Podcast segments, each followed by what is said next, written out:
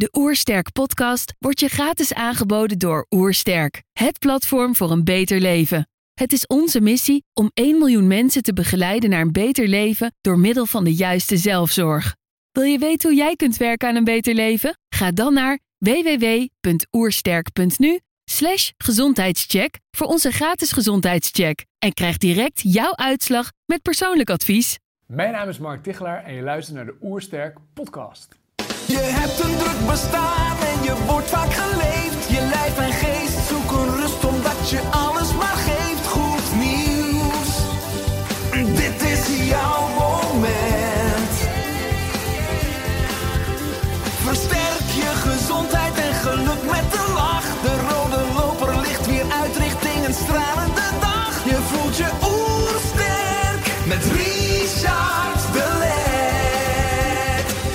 zijn hier in Heemskerk voor een podcast met Mark Tichelaar. Mark studeerde neuropsychologie en specialiseerde zich met zijn bedrijf Focus Academy in het verbeteren van prestaties en het optimaal benutten van het brein. Ook is hij auteur van meerdere boeken. Ik ben benieuwd naar zijn tips voor een beter leven. Trouwens, geniet je van onze podcast? Abonneer je dan en laat een reactie of review achter. Zo help je ons om het gezondheidsvirus te verspreiden. Let's start! De Oersterk Podcast. Een ontdekkingstocht naar een beter leven. Mark, welkom. Dank. Ik lees op je website: Het gevecht om onze aandacht is een van de grootste uitdagingen van het komende decennium. Om hierbij te helpen zetten wij neurowetenschap om in praktische tools die grip geven op focus. Zo krijg je meer gedaan en verlaag je stress. Zie het als de handleiding van het brein. En waarom hebben we deze handleiding nooit ergens gelicht? Nou, je staat spijker op zijn kop. Eh, waarom niet? De, de standaardreactie die we krijgen bij mensen die een training volgen: had ik dit maar? Kunnen mijn kinderen ook? En het is absurd dat het nog niet standaard is. En eh, jij hebt jouw missie over het gezonde leven en dit is onze missie. Maak de kennis over het brein universeel bekend. Eh, dat het gewoon makkelijker wordt dat je er grip op krijgt in plaats van dat je overgeleverd wordt aan de grillen van de dag. Ja, want uh, daar kan je voor mij als expert over meepraten. Je was vroeger dyslectisch Ja. en nu ben je breinexpert. Kun je wat meer toelichten over die weg? Nee, met, eh, twee weken na mijn eindexamen werd duidelijk dat ik redelijk zwaar dyslectisch ben. Dat verklaarde een hoop, maar het veranderde weinig. Ik wilde heel graag, maar het ging voor gemeten. Ik was letterlijk de traagste van de klas. En vanuit die frustratie ben ik me eigenlijk gaan verdiepen. Hoe, hoe werkt dat dan? Hoe hou je je aandacht ergens bij? Hoe doe je dat? Kon ik niet. Hoe lees je complexe vakliteratuur snel en effectief? Ik was de traagste van de klas. Hoe onthoud je die informatie? Ik ben allemaal boeken gaan lezen, trainingen gaan volgen. Een stukje best beetje ging dat, eh, ging dat steeds beter en makkelijker. En uiteindelijk mijn eigen methodiek erin ontwikkeld. En dat ging zo ontzettend goed.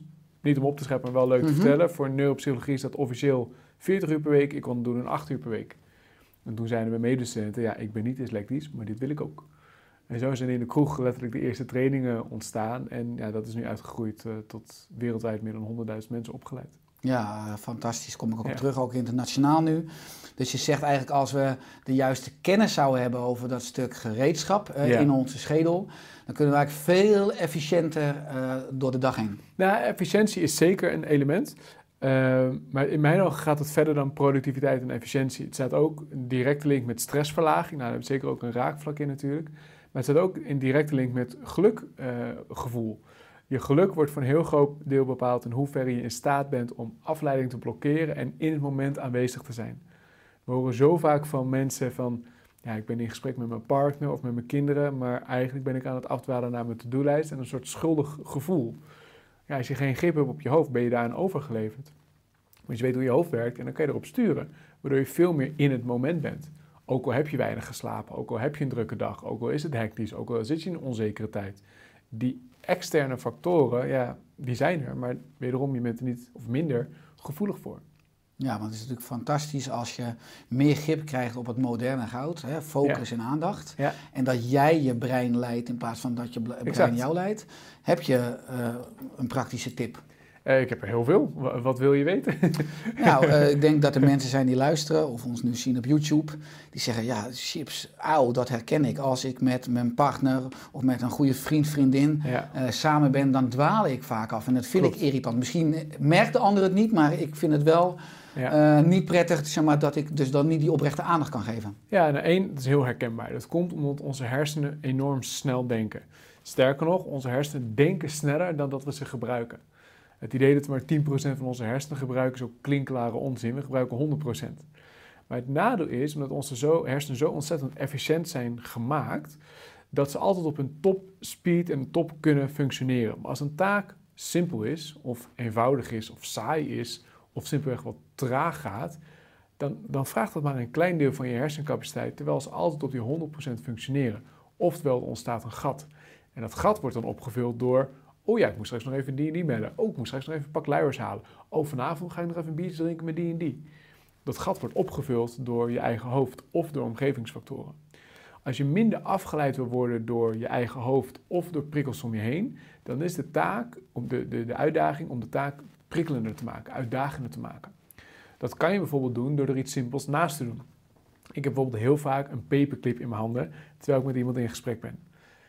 Dat is heel raar, maar dat valt niet op, niemand ziet het. Maar die kleine handeling van een paperclip in mijn handen houden, dat vraagt een klein stukje hersenactiviteit, maar heel weinig. Dus je kan prima luisteren naar wat er gezegd wordt, maar het is net voldoende hersenactiviteit om afleidende gedachten, van ook oh, moet straks nog even Peter mailen, om die te blokkeren. Oftewel, multitasken is fantastisch voor je hersenen als je het op de juiste manier doet. Als ik ga jongeren met een paperclipje, dan slaat het door. Dat mag duidelijk zijn. Hetzelfde als je tijdens in een telefoongesprek afdwaalt of tijdens een presentatie afdwaalt en je gaat van die hele kleine tekeningetjes maken, doedeling heet het officieel, dan stijgt je concentratie met 29%. Technisch multitasken. Maar als die taakjes heel simpel zijn, die tekeningetjes heel suf en eenvoudig zijn, het zijn ook vaak dezelfde tekeningetjes, een rondje of een vierkantje of wat je, ik weet niet wat jij tekent. Ik teken vaak rondjes. Uh, maar het effect daarvan is dat je iets simpels doet wat geen bewuste aandacht vraagt. En een to-do-lijst afdwalen naar een to-do-lijst vraagt bewuste aandacht. En als je wisselt met je aandacht, dan ben je af. Ja, want heel veel mensen zullen herkennen als ze aan het bellen zijn dat je intuïtief automatisch al gaat tekenen. Maar dat is dus een, of lopen of de was vouwen. Een positieve, positief gedrag eigenlijk, omdat het leidt tot meer aandacht. Exact, het leidt tot meer focus. focus. Wederom, de hersenen worden altijd opgevuld. De vraag is waarmee. Als dat niet door de taak zelf is, dan ben je heel vaak gevoelig voor je eigen hoofd, die vaak vol is met ideeën, uh, met taken, met emoties. Of als je in een drukke omgeving zit, door omgevingsfactoren. Als je door die twee niet afgeleid wil worden, dan moet je je hersenen opvullen met iets anders. Met iets eenvoudigs wat geen bewuste aandacht vraagt. En dat laatste is de kern. Een paperclipje in je handen houden heb ik vaak als ik met mijn dochter in gesprek ben. Of een Duplo-blokje van haar. Dat vraagt geen bewuste aandacht. Oftewel, ik kan volledig luisteren naar haar verhaal, hoe haar dag op de opvang is geweest. En dat ik niet afdwaal, nog, oh, ik moet straks dat nog even doen, ik wil morgen dit doen, du, du, du, du, Dat heb ik niet, dat wil ik ook niet. Ik wil volledig in het moment zijn met haar. En dit is een vorm van mindfulness, je hersenen opvullen met iets simpels. Ja, mooi. Ik merk zelf ook altijd op, bijvoorbeeld heel vaak met mijn voet ga wiebelen. Ja, is technisch hetzelfde. Alleen dat is een tricky one, zelfs met een klikken van een pen, technisch hetzelfde. Maar voor de ander kan dat dan weer afleidend zijn. Uh, dus de truc is om iets subtiels te vinden wat niet opvalt. Ja, want nee, ik me, mijn vader is een trouwe luisteraar. Ik krijg iedere zaterdag feedback op de podcast. Maar vroeger, uh, ook aan de eettafel, was ik altijd met mijn voet aan het wie, wie blij zat. Dat Richard, hou je voet nou stil. Maar ja. dus dan snap je ook een beetje hoe het werkt. En dat het wel degelijk functie heeft gehad dat ik beter naar hem kon luisteren en, en, focus kon houden. Uh, ook je nieuwste boek, hè, Focus aan, Focus uit. Uh, ja. Die vol staat inderdaad met praktische tips. Wat is nou in jouw optiek ook, als het ware, ja, ik weet niet of het ene is, maar dat is een gouden tip. Als iedereen dit zou weten, dan zou het leven gewoon makkelijker en beter zijn, omdat we dan veel meer die focus kunnen waarborgen. Nou, focus, die, er zijn meerdere onderdelen en iedereen heeft een persoonlijke voorkeur. We zijn er bijvoorbeeld achtergekomen dat er vier concentratielekken zijn.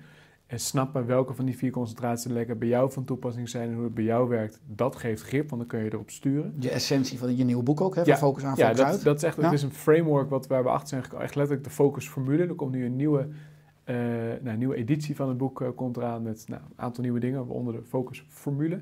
Dat vind ik een belangrijk onderdeel. Maar één onderdeel is van wat is nou, het, uh, in ieder geval voor mijzelf, echt een, een, een inzicht geweest, wat belangrijk is geweest en in mijn ogen wat heel veel mensen kan helpen is dat focus, of, eh, sorry, dat opladen en afleiding zijn niet hetzelfde.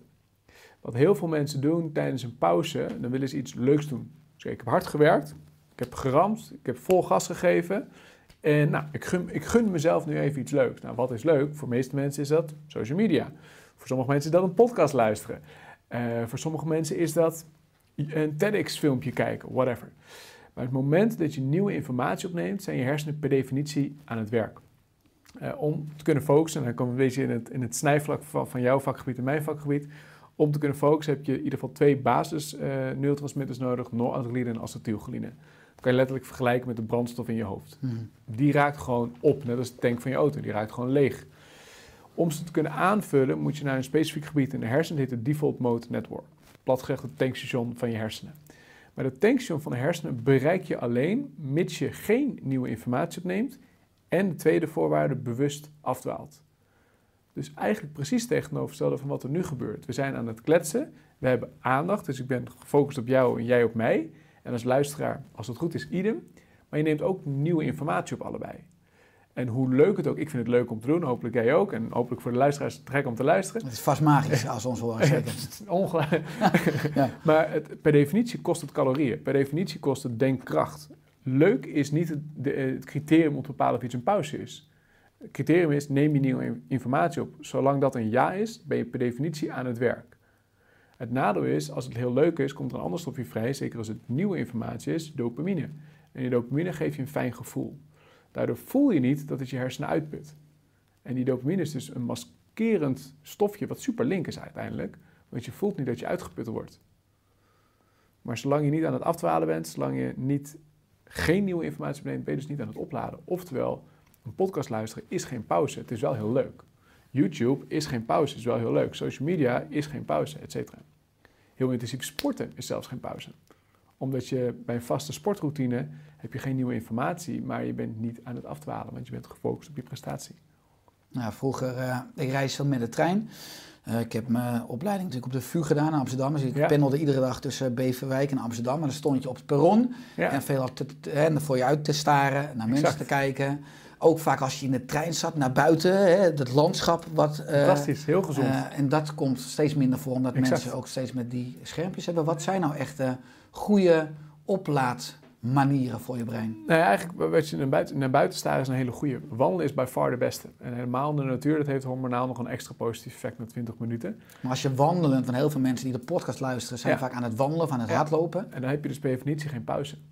Het moment dat je nieuwe informatie opneemt, hoe leuk die informatie ook is. Heel, heel simpel voorbeeld. Als ik auto rij, kost dat benzine. Dat is niet afhankelijk van hoe leuk de autorit is.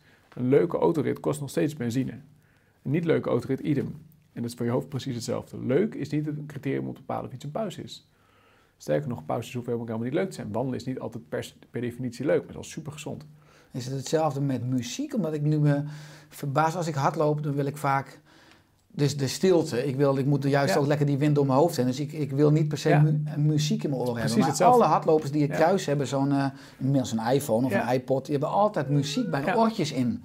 Dat is hetzelfde met eigenlijk dus, En dat is dus het gevaarlijke. Muziek is heel erg leuk. Mm. Nieuwe muziek is fantastisch. Je favoriete artiest heeft een nieuw album uitgebracht. Wow, te gek. Het is per definitie nieuwe informatie. Dus per definitie kost het calorieën kost het hersenkracht. Het is wel heel leuk en het voelt dus heel fijn. Het kan zelfs heel ontspannend voelen door die dopamine, maar dat is dus een heel verraderlijk stofje.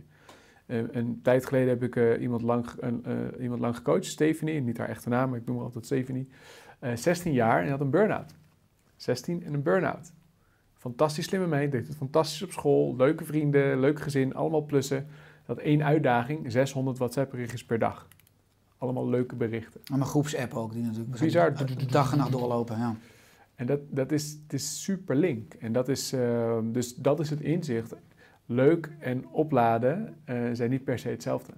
Afleidingen opladen zijn zeker niet hetzelfde. Mm. Maar ik ben enorm blij dat ik, uh, nou klinkt alsof ik oud ben, ik ben natuurlijk zeven. Ben je ook hè? Ja, ja dank je. Ouder 37 lentes oh. jong, maar ik heb de VU, mijn opleiding, ook mijn middelbare school gedaan zonder iPhone, zonder mobieltje. Ja, en ik, moest, ik ben niet hoogbegaafd, ik moet het echt hebben van hard werken. Ik denk dat ik veel lagere cijfers had gehad, of misschien Zeker. niet had gehaald, als ik toen zeg maar, de afleiding heb qua wat de moderne jeugd heb. Ja, dat, dat, is zeker waar. Als prikkels. Je, als je, en eens, de prikkels. Je, dus stress. En ook bij een groep willen horen, zeg maar. Nou, zeker. En wat, wat zeker ook meespeelt, de grote uitdaging van deze tijd is niet zozeer dat we te veel doen, maar dat we te weinig opladen. Hm. Je kan heel veel doen. Je kan honderden dingen doen. Zolang je maar voldoende oplaadt. En dat laatste gebeurt vooral niet omdat we elk leeg moment op een perron, telefoon erbij. In de lift, telefoon erbij. Je, je ziet het in de stoplicht, mede-automobilisten in de, voor het stoplicht, telefoon erbij. Uh, continu muziek, continu een podcast. Wederom, het is superleuk, maar als je het continu doet, ben je continu aan het voeden. Dat is continu je benzine op aan het maken. Dat is super link. Mhm. En een bijkomend punt, als je continu aan het wisselen bent, eh, dus, dus niet je multitask, want het is twee dingen op hetzelfde moment, maar continu wisselen van taken, verlaagt dat direct je mogelijkheid om iets te kunnen onthouden. Omdat je dan andere onderdelen van de hersenen aanspreekt. Voor onthouden is een belangrijk onderdeel, zoals je weet, hippocampus. Het is een belangrijk onderdeel waar het opslaan en weer terughalen van informatie. Maar ben je continu aan het wisselen, dan spreek je meer een ander onderdeel van de hersenen aan. De eh, ik kan het nooit goed uitspreken met mijn dyslexie. De, de basaal ganglia. Spreek ik Mhm. dat zo goed De uit? basale gangen, ja, zeker. Ik kan het lezen, maar ik kan het nooit zo goed verbaliseren. Nou, dus dan heb je het over Ja. multiswitchen, noem je dat, hè? Exact, de task switch inderdaad. En dan ben je dus kon, dan gebruik je dus andere gebieden van je hersenen, wat meer routinematig. Dat is voor als je fetus een paar keer hebt gestrikt, dan is dat deel van je hersenen wordt geactiveerd. Maar niet zo je hippocampus. Dus oftewel, als je continu wisselt van als student zijnde, dan ben je dus meer afhankelijk van een ander gebied van je hersenen, wat op routinematig meer ingesteld is, maar niet zit voor het onthouden van feitjes of, Mhm. of inzichten. Oftewel, je, je, je studieresultaten leiden eronder. Maar ik bedoel, het is natuurlijk interessant. Je bent een enorm expert als je het hebt dus over brein en over focus, de koppeling daartussen. Eh, ik weet dat- je ook nou, actief bent op social media. Zeg je van, nou, het lukt mezelf 100% in mijn eigen leven om ook zeg maar, eh, daar een juiste balans in te hebben tussen dus opladen. Nou, dat is ook zeker zoeken. Ik ben ook zoekende in mijn social media rol. Want ik zat in, eerst was ik gewoon valikant tegen. Gewoon focus expert, social media, geen match. Ik doe helemaal Ik niks. wil mensen van het schermpje afhelpen Ja. bijna in plaats van naar het Dus, schermpje eh. Ja. en daar ben ik op teruggekomen. En ik, ja, het is ook juist een manier om mensen te bereiken. En ik vind het ook gewoon leuk. Eh, dus ben ik actief op Instagram en op LinkedIn. Dat zijn mijn twee smaken, voor mezelf in ieder Ja. geval.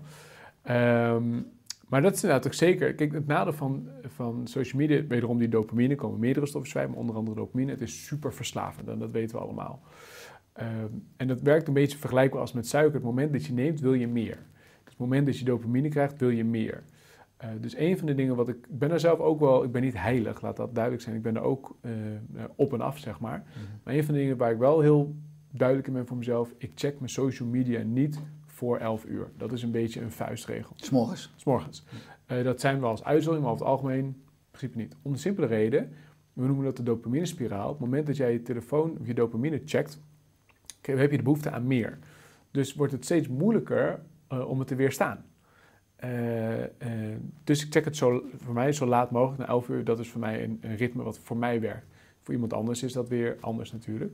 Maar dat is één manier om het te doen. En ik doe het altijd in batches. Dus nooit tik, tik, tik, tik, tik tussendoor. Maar alles, zoveel mogelijk mailen, doe ik zoveel mogelijk in batches. Ik geloof niet, en dat verschilt heel erg per persoon. Sommigen doen één keer per week. Doe je dat volgens mij in je mail of één keer per dag? Wat is voor jou het Ja, in mijn eh, eh, auto-reply staat één keer per week, maar dat red ik ook niet in de praktijk. Ik ben denk ik Ja. zeker wel drie keer per week Ja, in mijn mail. Nou, dat, is, dat, hè, dat is nog steeds heel, eh, hoe zeg je dat? Weinig in principe natuurlijk. En voor jouw werk en voor jouw functie en jouw persoon past dat. Voor mijn werk past dat niet. Eh, ik check mijn mail drie keer per dag. Dat is mijn ritme. Maar in wezen maakt dat niet heel veel uit hoe vaak je mail checkt, zolang er maar niet te onderbroken door wordt. Als je e-mail pop-up aan hebt staan en om de vijf minuten een mailtje binnenkrijgt, om de drie minuten een mailtje binnenkrijgt, of vaker, eh, en je zegt, oh, maar ik- oh, die van Piet, oh, die kan ik wel even wachten. Ja, dan heb je de prijs van afleiding al betaald. Dan ben je al afgeleid.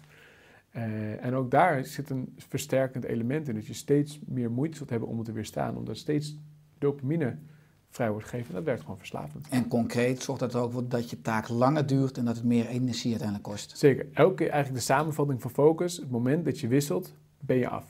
Elke keer dat je wisselt met je aandacht, betaal je daar een prijs voor. Dat heet aandachtresidu.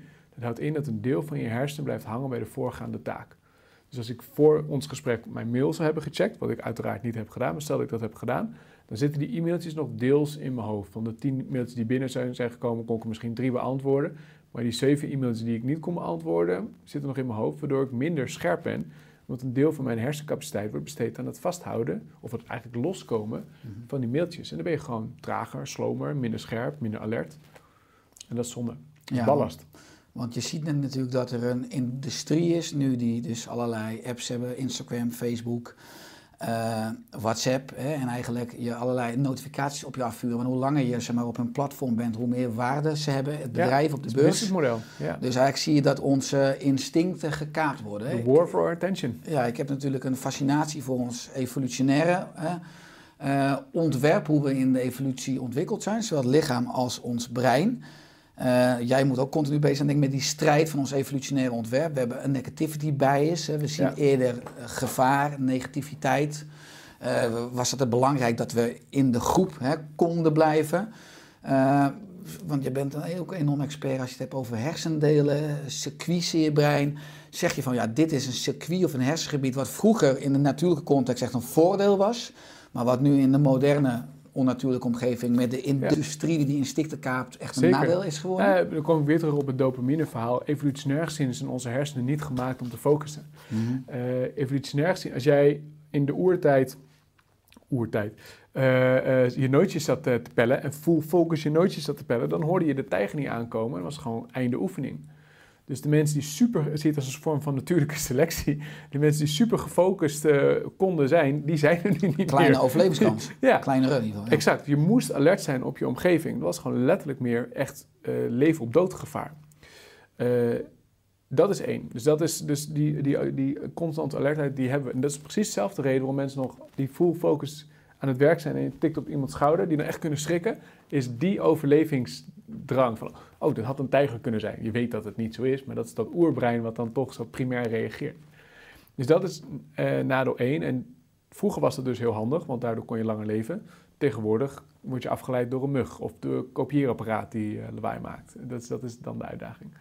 En de tweede uitdaging is die dopaminebehoefte. Die dopaminebehoefte zorgt ervoor, of zorgt ervoor dat we heel erg de, de wereld gaan ontdekken en niet apathisch in ons bek blijven liggen de hele dag. Maar is ook precies de reden waarom je halverwege een Excel-bestand kunt denken: Goh, hoe is het op nu.nl? Hmm. En dan ben je dus continu uit je, je wordt niet onderbroken alleen door je telefoon of door e-mail of collega's, maar ook heel vaak uit jezelf. Omdat je simpelweg de behoefte hebt in een dopamine shot. En dat vind ik dan weer heel grappig en boeiend. Ja, dus dat is eigenlijk. gebeurt in de helft van de tijd, dat je door je, jezelf wordt afgeleid. Ja, dus het, ons, ons evolutionaire ontwerp keert zich eigenlijk daar ja, tegen ons. Zeker. Het is niet onze natuurlijke staat om gefocust te kunnen werken. Dus als je dat wil, dan moet je daar echt je best voor doen.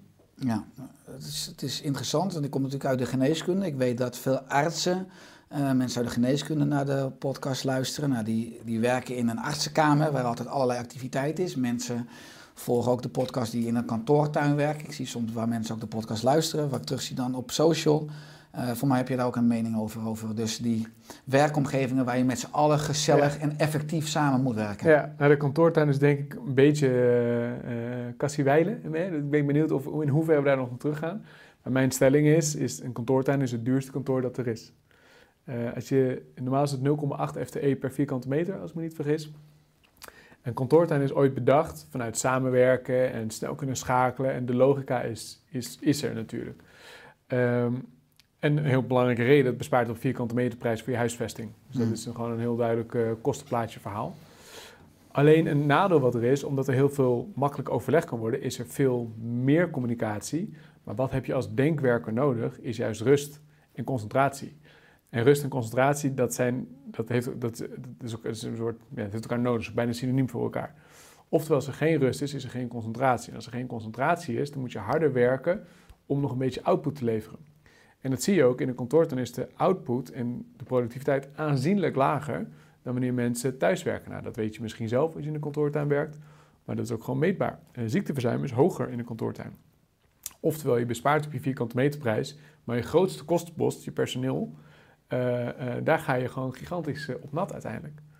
Dus los van de hele corona-ontwikkelingen verwachten we ook dat, dat de kantoortuin op zijn retour is.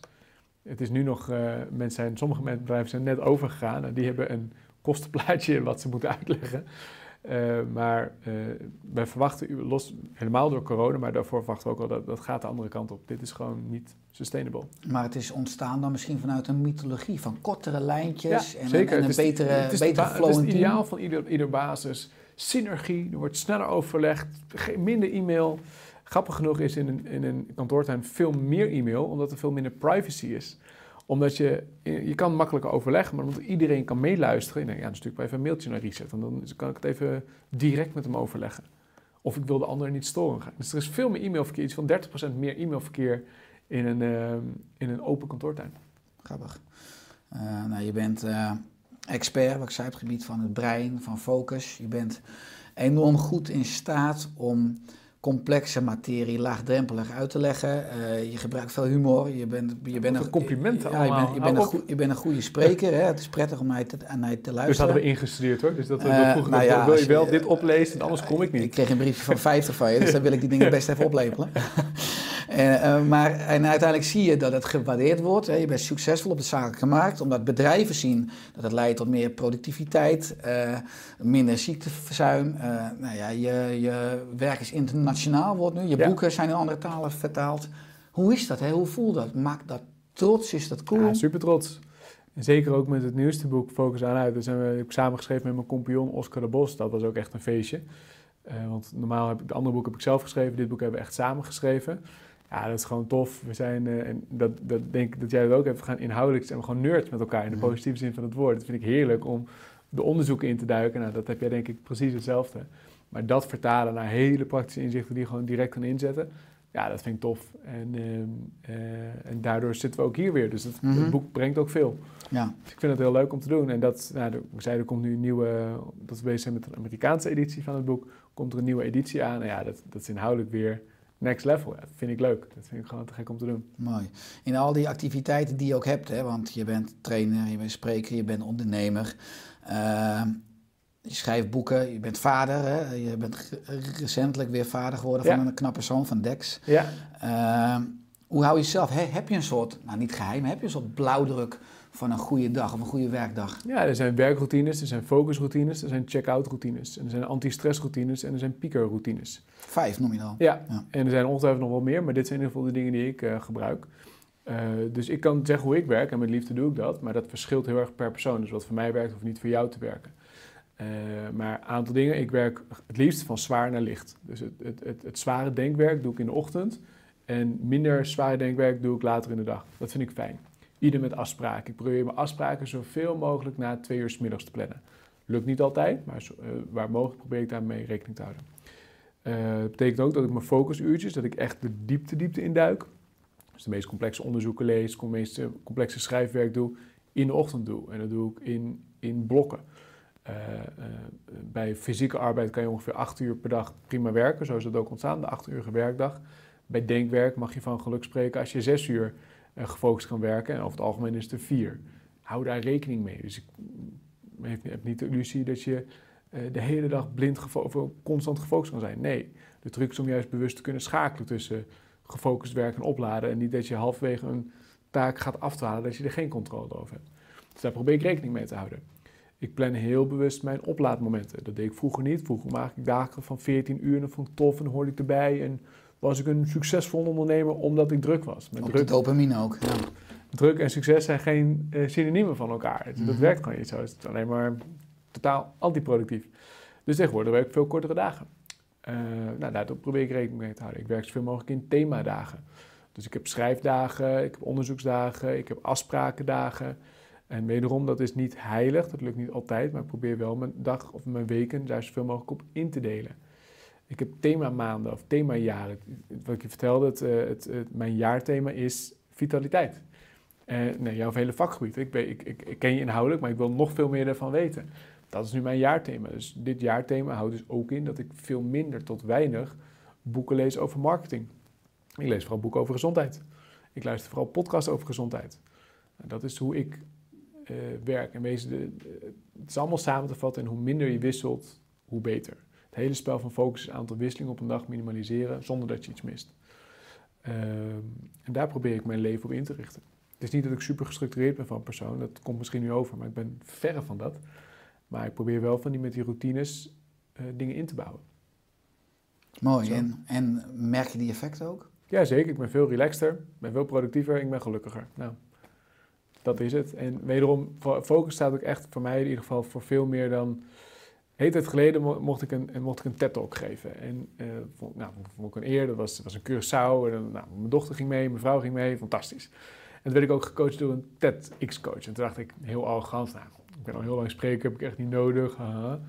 ik heb daar zoveel van geleerd van haar. En een van de dingen die zij mij ook teruggaf, als, eh, qua spreektips gaf ze me ook, maar ook inhoudelijk tips. En dat vond ik zo'n mooie zin. More focus leads to a better life. En dat is waar ik voor sta. Meer focus zorgt er één dat je productiever bent, Maar eigenlijk betekent dat niet het einddoel. Het einddoel is dat je minder uren nodig hebt om je werk gedaan te krijgen. Focus zorgt dat je veel meer de diepte in kunt duiken. In plaats van dat je met oppervlakkige dingen bezighoudt. Dat je echt het meeste werken kan leveren. Daar gaat focus om. Focus draait er heel erg om dat je in het hier en nu kunt zijn. Ondanks de hectiek waar we in leven. Qua onzekerheid, qua gave ideeën die we hebben als ondernemer allebei. Waar je, hè, ik, ik ben volledig hier met jou nu bezig. Terwijl er heel veel leuke dingen en niet leuke dingen gaande zijn. Uh, maar dat focus is daar controle over hebben. Focus zorgt ervoor dat je veel makkelijker in slaap valt. En in plaats van dat je nog met je hoofd allemaal gaat spinnen van... oh, dat moet nog doen, dat moet nog doen, uh, dit wil ik nog doen, oh, dat is een nieuw idee. Uh, dat is focus. More focus leads to a better life. En dat is waar ik voor sta. En dat wil ik ook als merk en als bedrijf gaan uitbouwen. meeste werk leveren, dat is focus. Mooi. Ja, wat ik enorm sterk vind is dat je ook dus duidelijk met een doel werkt. Dat is ook belangrijk voor, voor, voor, je brein. Je zet een jaarthema of een kwartaalthema. Uh, dat je vitaliteit hebt dan dit jaar. Uh, maar ik Mooi weet thema. Ook, ja, fantastisch thema. Uh, maar dat je ook een creatief bent. Hè? Dus dat, ik ben dat ook. Dus dat, weet ik, ja. ik zal voor mezelf spreken. Ik heel vaak nieuwe ideeën heb, geniale kansen zie, projecten. dat is je kracht en je valkuil. Ja, is dan dat jaarthema ook een soort veiligheidspal voor je? Ja, zeker. Het, is, het, het geeft, um, om iets breder te trekken, creativiteit en productiviteit zijn elkaars tegenpolen. Uh, alles wat je doet om je productiviteit te verhogen, verlaag je creativiteit en vice versa.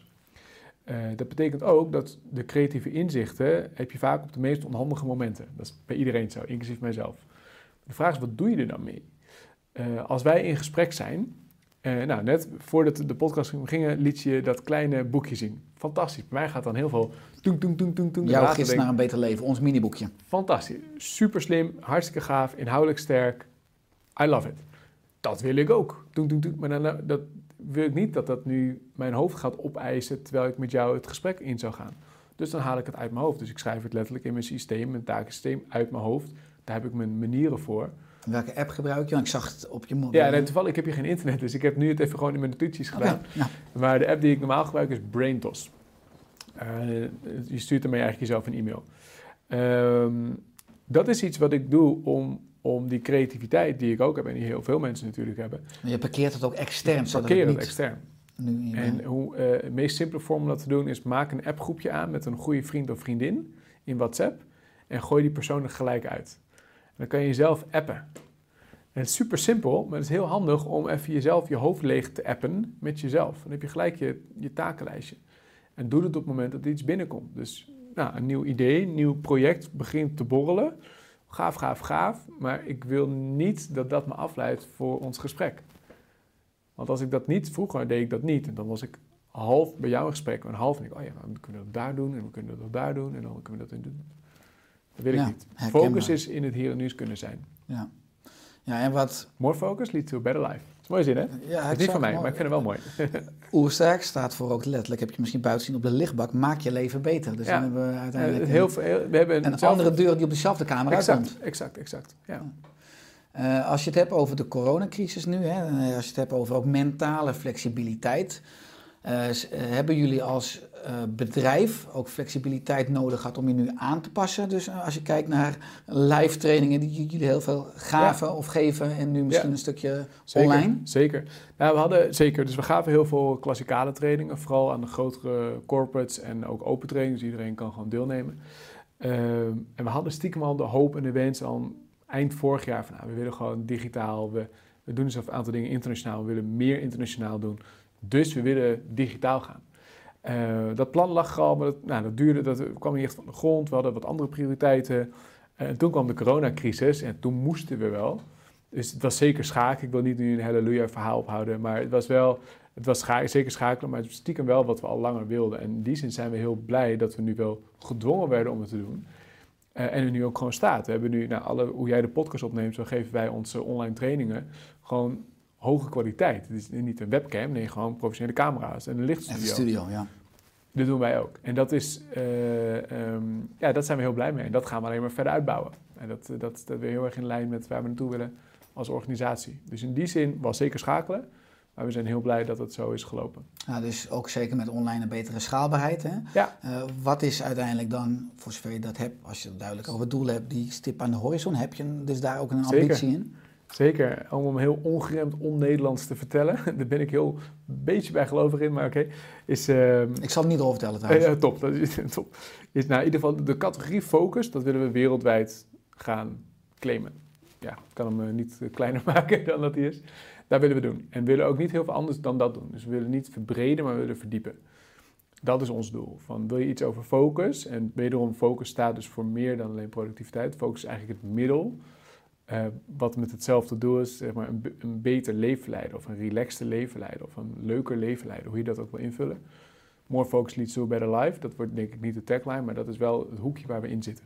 Oh ja, een beetje flauwe grap om te zeggen dat we echt focus op aanbrengen, maar focus Zeker. op focus. Ja. En heb je het dan vooral over de zakelijke markt of zeg je van uiteindelijk heb ik het over alle mensen in de wereld? Nou, we, we zijn heel erg B2B als, als dat is ook een, eh, je kan focus voor jezelf doen, je kan focus op binnen teams doen en je kan focus binnen organisaties doen. Dat is de, letterlijk de drie luik die wij ook aanbieden aan onze klanten. En B2B is business to business voor Ja, de sorry, luisteraars ja, en check, kijkers ja, die sorry, daar een nieuw woord horen. Ja, nee, check, sorry. sorry. En ehm, eh, wij zijn van origine heel erg, op, als je het over focus op organisatieniveau, wij zijn als organisatie heel erg gefocust op die zakelijke markt, die business-to-business kant.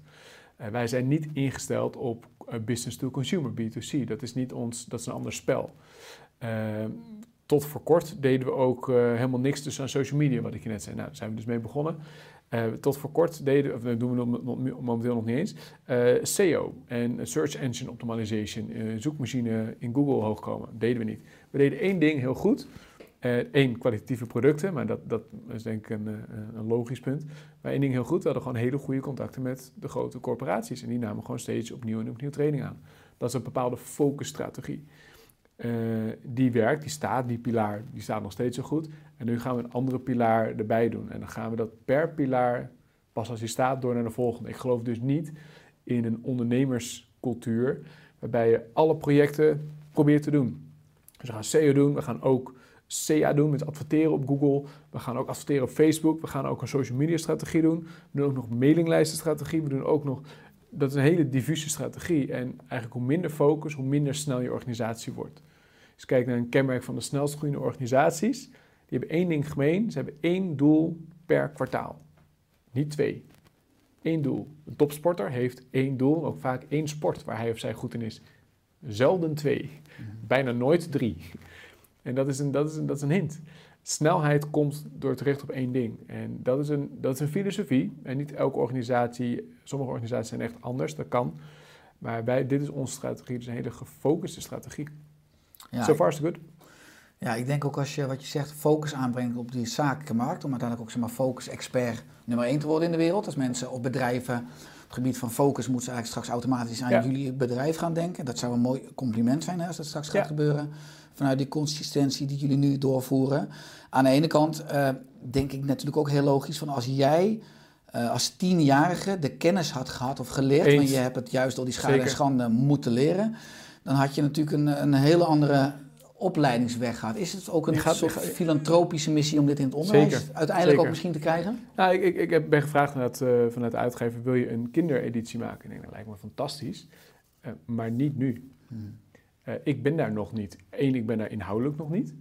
Eh, en twee, onze organisatie staat nog niet op dat niveau. Ik wil de organisatie, ik wil een aantal zakelijke doelen hebben bereikt. En dan wil ik dat heel graag gaan doen. Mijn oerbrein kan denken, ja, maar dat is gaaf, dat is een kans, dat moeten we doen. Maar eh, opportunity cost is een, is een bekende term binnen, binnen de zakelijke wereld. Nou, voor jou bekend natuurlijk. Van elke kans heeft ook een prijskaartje in tijd die het je gaat kosten, die je dus niet kan besteden aan andere doelen. In kosten die je gaat maken, die, dat geld kan je niet besteden aan andere dingen, et cetera. En uiteindelijk het gevaar erbij is dat je meerdere balletjes in de lucht probeert te houden. En eh, een heel simpel voorbeeld met jongleren, nou met een beetje oefening is jongleren met drie ballen prima. Maar geef ik een vierde bal, dan wordt het lastiger. Geef ik een vijfde bal, gaan er geheidballen vallen als je niet getraind bent. En zesde bal, dan ben je echt de koning als je dat nog überhaupt zou kunnen. Oftewel, hoe meer ballen je in de lucht probeert te houden, hoe meer fouten je gaat maken en daarmee de snelheid van je organisatie gaat eruit. Dus ons, ik wil heel graag dat gaan doen, lijkt me fantastisch om te doen. Eh, maar ik wil eerst dit bereiken, dan dat bereiken, dan en niet alles tegelijkertijd. Het is naast, na elkaar in plaats van naast elkaar. Juist, alles heeft een juiste tijd en plaats. En als je ja zegt tegen dingen, heb ik ook al met, met, met vallen opstaan. Vaak zeg je automatisch nee tegen Exact. andere dingen. Exact. Hè, dat is de valkuil als je altijd ja zegt. Eh, heb je dat ook dus met vallen en opstaan geleerd? Of Ja, heb je zeker. ook mensen in je Nee. omgeving die, eh, die hier scherp op halen? Nou, beide. Eh, mijn natuurlijke instelling is ook, ik denk, daarin lijken we heel erg op elkaar, heel creatief. En ik, ja, kans, kans, kans, kans, kans, kans. Het liefst ook alles, het liefst nu doen, nog steeds hoor. Dus het liefst zou ik alles nog steeds nu allemaal tegelijkertijd doen. Maar ik weet gewoon dat dat, ik heb dat in het verleden ook wel gedaan. Dat ik 25 post-it stickertjes op mijn muur hangen van alle gave projecten waar ik mee bezig was. En dat was heel lekker, want als ik ergens niet uitkwam met één project, dan ga ik wel even door met dat andere leuke project. Maar uiteindelijk kwamen heel weinig projecten haalden de eindstreep. Het was hem net niet, zeg maar, dat is daardoor. allemaal half werk uiteindelijk. Ja, het is, het is, het is, het is een Het is niet vals, het meeste werk waar je het over had. ja, het is een vals gevoel van vooruitgang. Hmm. Maar eh, uiteindelijk is het een vorm van vermijding. Eh, dus onderzoeken gelezen heel duidelijk van. Het is totaal, totaal niet effectief. Ondernemers die succesvol zijn doen één ding mega goed en bouwen dat pas uit. En dan gaan door, pas dan door met het volgende. En wat is dan de onbewuste strategie van vermijden als we die zo vaak toepassen? Het is de weg van de minste weerstand. Als je ergens niet uitkomt, dan, dan, ja, dan kan je doorgaan met mijn e-mail. Ja, e-mail moet wel gebeuren. Eh, of kijken of er een nieuw e-mailtje binnen is, kan ik die gelijk beantwoorden. Of kan ik nog even een klein berichtje op so- social media plaatsen? Moet toch gedaan worden. Het is heel logisch. Maar als je zo je dag laat leiden, dan, dan kom je dus nooit echt de diepte in. Meeste, dan ben je vooral druk, maar niet productief. Een termen die er heel erg bij horen, die je misschien kent, is shallow work en deep work. Diepe nadenktaken die de meeste voldoening geven, zijn vaak de taken waar je net iets meer je tanden in moet zetten. Net iets meer concentratie voor nodig hebt om in de diepte in te kunnen duiken. Maar als je continu aan het hoppen bent, omdat je ergens niet uitkomt, ja, dan, dan blijf je letterlijk een beetje aan de oppervlakte hangen. Dan ben je wel heel druk, maar aan het einde van de dag doe je je laptop dicht en denk je, ja, wat heb ik nu eigenlijk gedaan? Dat is zonde. Ja. Wat is je, nou, je droom en je missie, zeg je dus de, de nummer één expert worden op het gebied van focus? Dat is zakelijk en inhoudelijk is het het gesprek starten bij het koffieautomaat. Dat mensen zeggen van, hey, hoe doe jij dat eigenlijk met je focus? Dat is, dat is altijd het doel geweest, van, dat het bespreekbaar wordt. Focus is iets zo impliciets. Dat, ja, dat, wij maken het nu expliciet in dit gesprek, dat vind ik heel tof. Eh, maar het is, ja, we staan er nooit zo echt bij stil en dat is zonde. Maar ik hoorde je ook zeggen, eh, natuurlijk in mijn voorbereiding op eh, dus je laatste boek. want als je een boek schrijft, dan investeer je enorm veel tijd, energie. Die uiteindelijk, nou, die, hele, die, hele, die hele aantal maanden ben je niet bezig met, met training en andere nee. dingen, met omzet. Dus dat, ik wil uiteindelijk ook een boek schrijven waar mensen bij de koffieautomaat over praten. Dat Ja. als doel. Dus ik wil Ja. impact maken en niet zomaar weer eventjes een Nee. boekje produceren. Nee, dat, dat is het doel en niks minder. Is het gelukt met focus aan focus Ja, ik ben heel trots op. En we zijn er echt heel blij mee. Het, het boek loopt gewoon heel goed. We hebben nu in meerdere talen vertaald. En ehm, dat vind ik heel, gewoon heel gaaf. En het is echt... Ja, dat, dat, het- we, zijn, we zijn er nog lang niet. Maar het, het doel is een, het een, een fenomeen... Niet het, het boek fenomeen maken, maar het, het onderwerp een fenomeen maken. Dat wederom bespreekbaar wordt. Eh, dat is het doel. En dat begint nu steeds meer te leven. Er zijn nu steeds meer bedrijven die eh, meetingvrije woensdagen hebben ingesteld daardoor. Of een focusuurtje hebben ingesteld. En dat scheelt. We hebben soms echt mensen die bij ons komen, die huilend bij ons komen. Gewoon hooggeplaatste professionals, super succesvol. Die gewoon niet aan hun werk te komen, omdat ze gewoon letterlijk continu onderbroken worden. En die daardoor s'avonds om 9 uur pas gaan werken, omdat dan het een beetje rustig is. Maar ja, dan maak je hele lange dagen. Dan ga je zo gigantisch interen op je gezondheid, op je stressniveau, op je geluksniveau, op je relatie, op al die dingen. Focus is een, een middel, er zijn meerdere methodes natuurlijk, maar een methode om gewoon een gelukkiger leven te hebben en een impactvoller leven te hebben, veel meer diepgang te creëren. Nou, dat vind ik tof. En als dat gesprek begint te lopen van hoe doe jij dat, hoe kunnen wij dat doen, ja, vind ik te gek. Ja, dat is wel mooi wat je zegt. Enerzijds heeft het natuurlijk ook te maken met je zelfbeeld en je eigen waarde om uiteindelijk aan te geven, ook je grenzen van hé jongens. Heel Aan de andere kant is het ook erg afhankelijk van het klimaat waar je werkt, als je in loondienst bent, van Zeker. uiteindelijk het klimaat wat om je heen gecreëerd wordt. Eh, zijn daar ook ja, praktische tips voor als, als managers Zeker. of ook eh, eh, ondernemers luisteren? Zeker, Hoe ja, kan je je bedrijfsklimaat nou Ja, vitaler maken? vind ik super tof dat je aankaart. Het is, het is een tweeluik. Je hebt- als individu heb je altijd je eigen verantwoordelijkheid te nemen op je eigen weerbaarheid. Dus nee zeggen, op het moment dat is, eh, dat is natuurlijk meest simpele. Maar weerbaarheid houdt dus ook in, als je kijkt naar de vier concentratielekken, hoeveel pauzes neem jij? Dat is super belangrijk. Hoe zorg je ervoor dat jij je hersenen scherp houdt en voldoende oplaadt? Dat is deels cultuur bepaald, maar deels ook neem je eigen verantwoordelijkheid. Dat houdt ook in dat je zorgt dat je hoofd de hele dag door leeg is. Dat je hem continu een systeem hebt dat je hoofd leeg raakt, dat het niet in je hoofd blijft, al die zitten, die taken. Want dat maakt letterlijk dat je hoofd zwaar is en meer ballast met je meedraagt. Als je onderbroken wordt door een collega, dan is dat nog pittiger als het ware. Dus daar ligt een eigen verantwoordelijkheid. Daarnaast ligt er zeker ook een verantwoordelijkheid bij, een bij de organisatie. Sterker nog, even een suffe metafoor, daar hou ik graag van, is dat een, een goed schildersbedrijf levert goede kwasten en goede verf aan zijn medewerkers. Een kennisorganisatie, in mijn ogen, het belangrijkste ding wat je faciliteert, is focus. Zorg dat mensen de ruimte hebben om de diepte in te duiken. Zorg dat mensen de ruimte hebben uh, om op te laden. Zorg dus ook dat je je bereikbaarheid hebt, bespreekbaar maakt met je, met je medemens, met je collega's. Want als jij vaak wat er vaak gebeurt, is dat managers overdag veel gesprekken voeren en daardoor niet aan hun uitvoerwerkzaamheden toekomen en het pas s'avonds gaan doen. Ze gaan s'avonds heel veel mailen. En het effect daarvan is dat als je een mailtje krijgt van je leidinggevende vanuit een hiërarchie of vanuit een drive, vanuit een ambitie, ga je toch even kijken hoe dat mailtje eruit ziet. Of je niet iets belangrijks over het hoofd ziet als medewerker. Met als effect dat je stiekem hele lange dagen maakt. En dat is, die manager bedoelt dat misschien niet eens. Die stuurt alleen maar dat mailtje uit, zodat het uit zijn of haar hoofd is. Uh, niet dat jij er per se gelijk op moet reageren. Maar dat is, een, dat is iets impliciets, dat is nooit vaak besproken. Maak het bespreekbaar. Er zijn heel veel dingen die je als individu kan doen, maar er zijn ook heel veel dingen die je als organisatie kan doen. En dat vind ik zo tof van ons werk, dat we beide doen. Het is niet het een of het ander. Als jij je eigen weerbaarheid gigantisch verhoogt, maar je, je baas loopt te kloten, ja, dan heb je alsnog een probleem. Mhm. Of vice versa. Ja, focus is dus een noodzakelijke voorwaarde om optimaal te presteren als bedrijf, als systeem in plaats van luxe. Zeker. Komen bedrijven daar nu steeds meer achter? Oh, absoluut. En dat, dat merk ik ook in, de, in, in deze heftige coronacrisis waar we allemaal zitten. Je hebt natuurlijk nou, de gezondheidsrisico's die er allemaal zijn. Dat is allemaal heel duidelijk. Maar nu komt ook steeds meer aan het licht. Ja, maar hoe werken wij eigenlijk? Oké, mensen werken nu steeds meer thuis. Mensen werken een beetje andere uren als kinderen nog thuis zijn. En dat is allemaal wat zoekende. Uh, focus is daar nog steeds een hele grote uitdaging. Of je op kantoor zit of thuis. Je kan nog steeds afgeleid worden. En zelfs al heb je geen kinderen thuis en geen partner thuis en geen hond of iets dergelijks thuis, kan je nog steeds gigantisch afgeleid worden door je eigen hoofd. En dan kan je alsnog het gevoel hebben, ja, maar hè, ik ben toch in een rustige omgeving en alsnog krijg ik niks gedaan. Heel frustrerend. En op lange termijn verhoogt de kans op een burn-out. Als je continu achter de feiten aan moet lopen omdat er gewoon niks meer uit je handen komt, ja, dat is niet gezond. Afgelopen week ook veel in het nieuws, hè, dat mensen veel meer stress ervaren omdat ze thuis moesten werken, eventueel ja. met kinderen en honden. En ja dan toch uh, ook vanuit het werk uiteindelijk moest opleveren of produceren of creëren. Exact, succes. En focus is, er zijn meerdere mogelijkheden natuurlijk, maar focus is een middel om daar grip op te krijgen. Een manier om daar sturingen op te geven. Als je, nou je loopt jarenlang mee al, uh, enorm ervaring ook heel gedaan. Bijna net zoals jij. Nou, nou, dat, begin je net, hè. Uh, op Curaçao geweest, waar je zeg maar in ieder geval leuke ervaringen. Hè. Wat is nou voor zover ik het leukste wat je hebt meegemaakt? Waar je zegt, nou, als daar nog aan ja, terugdenkt. Uh, werktechnisch bedoel je toch? Denk ik, ja. Anders kan ik een heel leuk privéverhaal vertellen, maar ik denk niet dat dat de context is.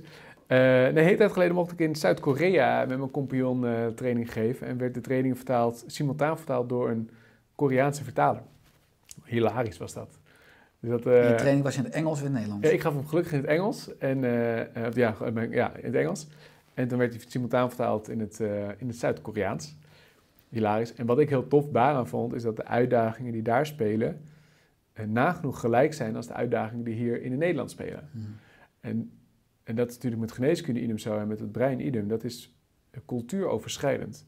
Tuurlijk zijn er wel cultuurverschillen. Tuurlijk zijn we bijvoorbeeld de neiging om veel langere dagen te maken vanuit een bepaalde cultuuropvatting. Het zie je ook heel erg in Japan natuurlijk. Dood door overwerk is daar een heel hot item. Bizar. Ook daar zien we trouwens wel een kantteken, kanteling, is ook wel heel boeiend. Het gaat de goede kant op. Uh, ze zijn nog wel even bezig daar, denk ik.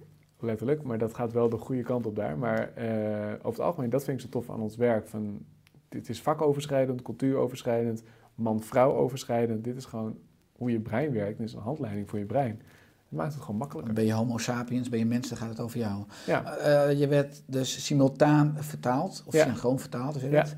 Ja. Uh, Super knap werk vind ik dat trouwens. Echt. Het best grappig lijkt me. Begreep ze humor, als je dan een grap maakt, zie je een paar seconden dus, later... Ja, het is super lastig training geven. Uh, lachen. Dus dat qua dynamiek om ook focus te houden in je presentatie is ook een extra uitdaging. Zeker, maar het was omdat het zo grappig en uitdagend was, hou je daardoor je focus. Maar er zat veel minder ritme in, want je houdt dus twee zinnen zeggen...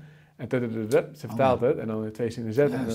Je hebt die cadans. Heel erg een cadans. Maar op een gegeven moment vind ik, ik vond haar, ik heb geen idee wat ze zei natuurlijk, maar ik vond haar heel goed. Ze- Weet je, dat, dat, ja, ze, ja, ze, ze, ze past zich heel makkelijk aan en dat vond ik heel knap. En wat zij, haar werk, überhaupt simultaan vertalers, dat is, dat is het meest knappe van wat er is. Mooi, leuk. Ik, no- ik noem het, hè, was het leukste. Misschien ook wel een beetje gek. Maar is er ook nog iets gekkers? Hè, wat het gekste wat ik meegemaakt heb? Nou, Dat is dit. Ja, ik heb ooit een keer gehad, we gaven vroeger heel veel studententrainingen. En dat waren dan 200 studenten, vaak echt grote collegezalen vol. Hele leuke training altijd. Maar ik heb een paar keer, een paar, één keer gehad dat een eh, gast, zo, nou jongens, het is pauze, ik zie je zo weer. Ging stond midden in zo'n, eh, midden in de zaal, ik midden in, midden, zeg maar, mid-mid-positie. En die ging gewoon opstaan en zijn tanden poetsen. Zzz. Wat gebeurt hier nou? Maar ja, dat vond ik wel eh, apart. En heb je daar nog navraag naar gedaan? Nee, ik denk, laat ik dat niet doen nu. Laat het, dan, kan er, dan kan er iets gaan komen wat heel lang gaat duren. Ik heb ook zin in mijn pauze nu. Maar eh, dat was wel redelijk gek. En ik ben ook keer achtergekomen dat mijn gulp open stond terwijl ik een training stond te geven. Dus dat was, eh dat Er stonden veel camera's aan. hè? Nee, nee, dat was ook oh, shit. Eh, wat is nou de grootste blinde vlek die mensen hebben over zeg maar, het magische ver- vermogen van hun brein, waar ontwetend, eh, waar mensen uh, onwetendheid over hebben? Ik hoor bijvoorbeeld vaak mensen zeggen, ja, ik kan nou eenmaal niet lezen. Of ik Hmm. bijvoorbeeld van boek, ik kan nou eenmaal geen boek lezen, want dan heb ik, nou ja, dat kan mijn brein niet. Ja, nou, dat, is, dat is heel simpel. Dat, dat is, tenzij je extreem zwaar dyslectisch bent. Maar in principe als je ogen doen en je, eh, je Q is gewoon enigszins oké. eh, eh, dyslexie of niet, dan nog kan je gewoon heel goed weten, dit heel goed doen. Omdat het gewoon heel vaak gewoon een skill is. Maar kan je dan, dan zeggen, dat zijn geen slimme en domme breinen, maar dat Nee. zijn getrainde en Nou, dat, zeg, ongetrainde dat, zeg je, breinen? dat zeg je fantastisch mooi. Dat ben ik het 100% bij eens met die uitspraak. Dat ben ik, dat, zo zeg ik het ook vaak. Hetzelfde ook met geheugen. Ik heb een slecht geheugen. Hè. Dat bestaat niet echt tenzij je anatomisch een afwijking hebt. Maar je hebt een getrainde en ongetrainde geheugens. Eh, je kan daar echt extreem ver in doorgaan. Sterker nog, je wordt officiële wereldkampioenschappen ingehouden wat je kan met het trainen van je geheugen. En op Netflix is daar een supermooie documentaire over memory games. Dan kun je zien dat gewoon normale mensen, zoals jij en ik, gewoon die geheugenspier, dus geen spier, maar geheugenspier, getraind hebben. Daar kan je extreem ver in doorgaan. En zo kan je dat met alles onderdoen, alles van je, onder, van je brein doen. En dat heeft heel erg te maken, en dat ken je misschien ook, met de term fixed mindset of growth mindset. Ik, heb een, ik heb mijn tentamen niet gehaald voor school, dus ik kan dit vak niet. Of, dat is een fixed mindset, of ik heb het tentamen niet gehaald omdat ik niet hard genoeg geleerd heb. Ik moet de volgende keer harder leren, of beter leren, of slimmer leren. Dat is een growth mindset. En ze hebben dat op alle facetten in je leven. Heb je een fixed of een growth mindset. Maar ook dat is blijkbaar trainbaar, schijnt. Er Is een mooi boek over van Carl Dweck. Exact, Ja.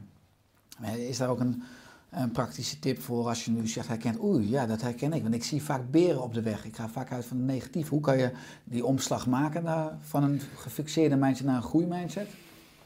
Ja, dat vind ik lastig. Ik zou, eh, als je één wat meespeelt is je weerbaarheid. Dus je komt, als je vermoeid bent, is je amygdala, eh, amygdala of amygdala, ik weet net, hoe- net je het uitspreekt, amygdala eh, overprikkeld. Dus dan ben je veel gevoeliger voor negatieve prikkels.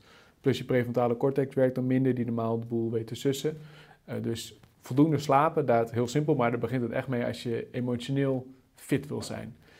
Eh, en twee is wees bewust van, hey, hoe benader ik deze situatie? Is het veranderbaar of is het niet veranderbaar, deze situatie? Als je denkt dat het niet veranderbaar is, dan heb je over het algemeen, tenminste als je het hebt over iets niet halen. Hè? Ik bedoel, soms is gewoon iets niet mogelijk, laat dat duidelijk zijn. Maar ik heb mijn tentamen niet gehaald of ik, ik presenteren. Als je het over in principe vaardigheden, leren is een vaardigheid, eh, presenteren is een vaardigheid, schrijven is een vaardigheid. Ik was bijvoorbeeld vroeger, wederom dyslectisch, ik ben nog steeds dyslectisch.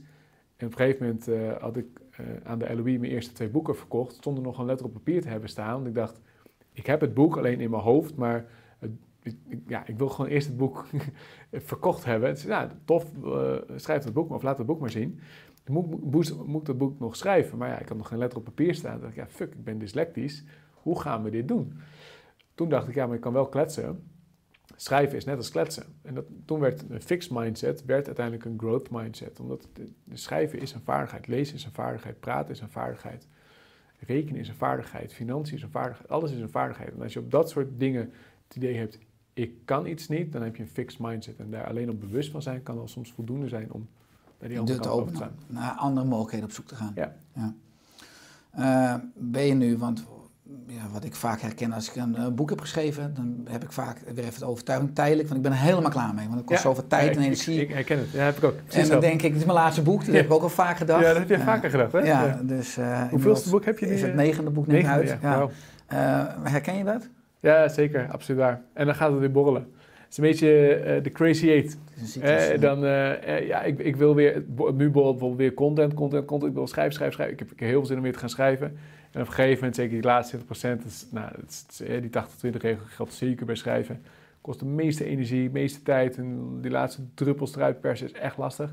Ben je er helemaal klaar mee en dan ga je weer lekker, in mijn geval, de uitvoering in, de presentaties in. Heerlijk. En dan denk je, ja, ik wil weer content. En dat is heel herkenbaar. Maar het is natuurlijk continu als je ontwikkelt en ook nieuwe publicaties leest en ook veel andere boeken en andere experts waar we natuurlijk contact mee hebben, dat je continu weer eigenlijk concepten ook optimaliseert. En eh, ja, in die zin ontstaat er vaak weer zo waardevolle content in mijn hoofd dat ik denk van verrek, dit verdient weer een boek. Dus Ja. uiteindelijk zie ik toch een beetje in mijn blauwdruk dat ik ieder jaar toch wel weer een boek Ieder jaar een boek. Wauw. produceer. Ja, als ik kijk naar de afgelopen negen jaar, ja. Wauw. Ik Ja. zou meer boeken per jaar kunnen schrijven trouwens. Alleen dat, Ja. dan, dan denk ik dat het bij mensen alleen maar onrust geeft als je met drie boeken per jaar uitkomt. Hè? Want dan, heb je bijna geen scoop meer. Dus daarmee heb ik mezelf relatief geremd. Maar eh, ja, en het heeft ook te maken met tijd. En ook, ook, ook echt gewoon tijd inblokken. Want dat vind ik uiteindelijk magisch. Dat als ik een boek schrijf, dan plan ik vaak drie maanden vrij. En vaak, zeker ook nu weer in een bepaalde drukte, is er ook ja, een overtuiging van dat kan helemaal niet. Ik heb helemaal geen ruimte om drie maanden vrij te blokken. Maar als je iets echt graag wil, dan ontstaat er ruimte en tijd. Ja. Dan werkt het universum mee bijna in, in, die, eh, in die rode loper. Ja, te gek. Ja, het is eh, elke keer een boek. Ik zou niet moeten denken. Ik zou het niet kunnen ook. Ik zou het ook niet willen. Eh, voor mezelf, hè. Voor mezelf zou ik Mhm. denken, zou ik dat willen? Nee. Ik heb het dus nu dus weer wel, maar nu eh, dan ga ik lekker weer de diepte in. Heerlijk. Hoeveelste boek is het? Dat is mijn vijfde boek. Oké, dus eh, ja. Ja. Ja. En ja, er gaat dus wel een studentenvariant en kindervariant komen, maar dat is echt een meerjarenplan. Cool, leuk, mooi. Leuk.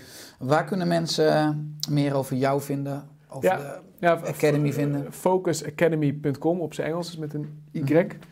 Eh, en volg me toe op LinkedIn. Ik ben vrij actief op LinkedIn. Ook leuk om tips uit te wisselen. En dus op Instagram.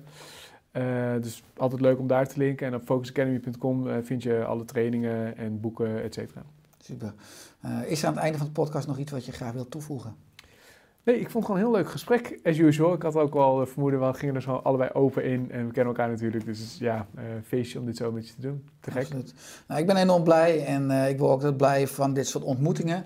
Ik vind het enorm inspirerend, want ja, ik heb, ben toch ook een soort spons, hè? Ik, wat jij ook hebt. Ja. Ik geniet ervan als andere experts vanuit andere invalshoeken eigenlijk hetzelfde zeggen, met een eigen kleur en resonantie en wijsheid. Dus dank ook voor, voor jouw missie en voor je boeken. En eh, dat we regelmatig elkaar op deze manier mogen inspireren, mogen, mogen kruisbestuiven. En ga vooral zo door met Ja, Focus wederzijds. Academy. Dankjewel. Thanks Mark, alle goed. Thanks, jij ook. Dankjewel.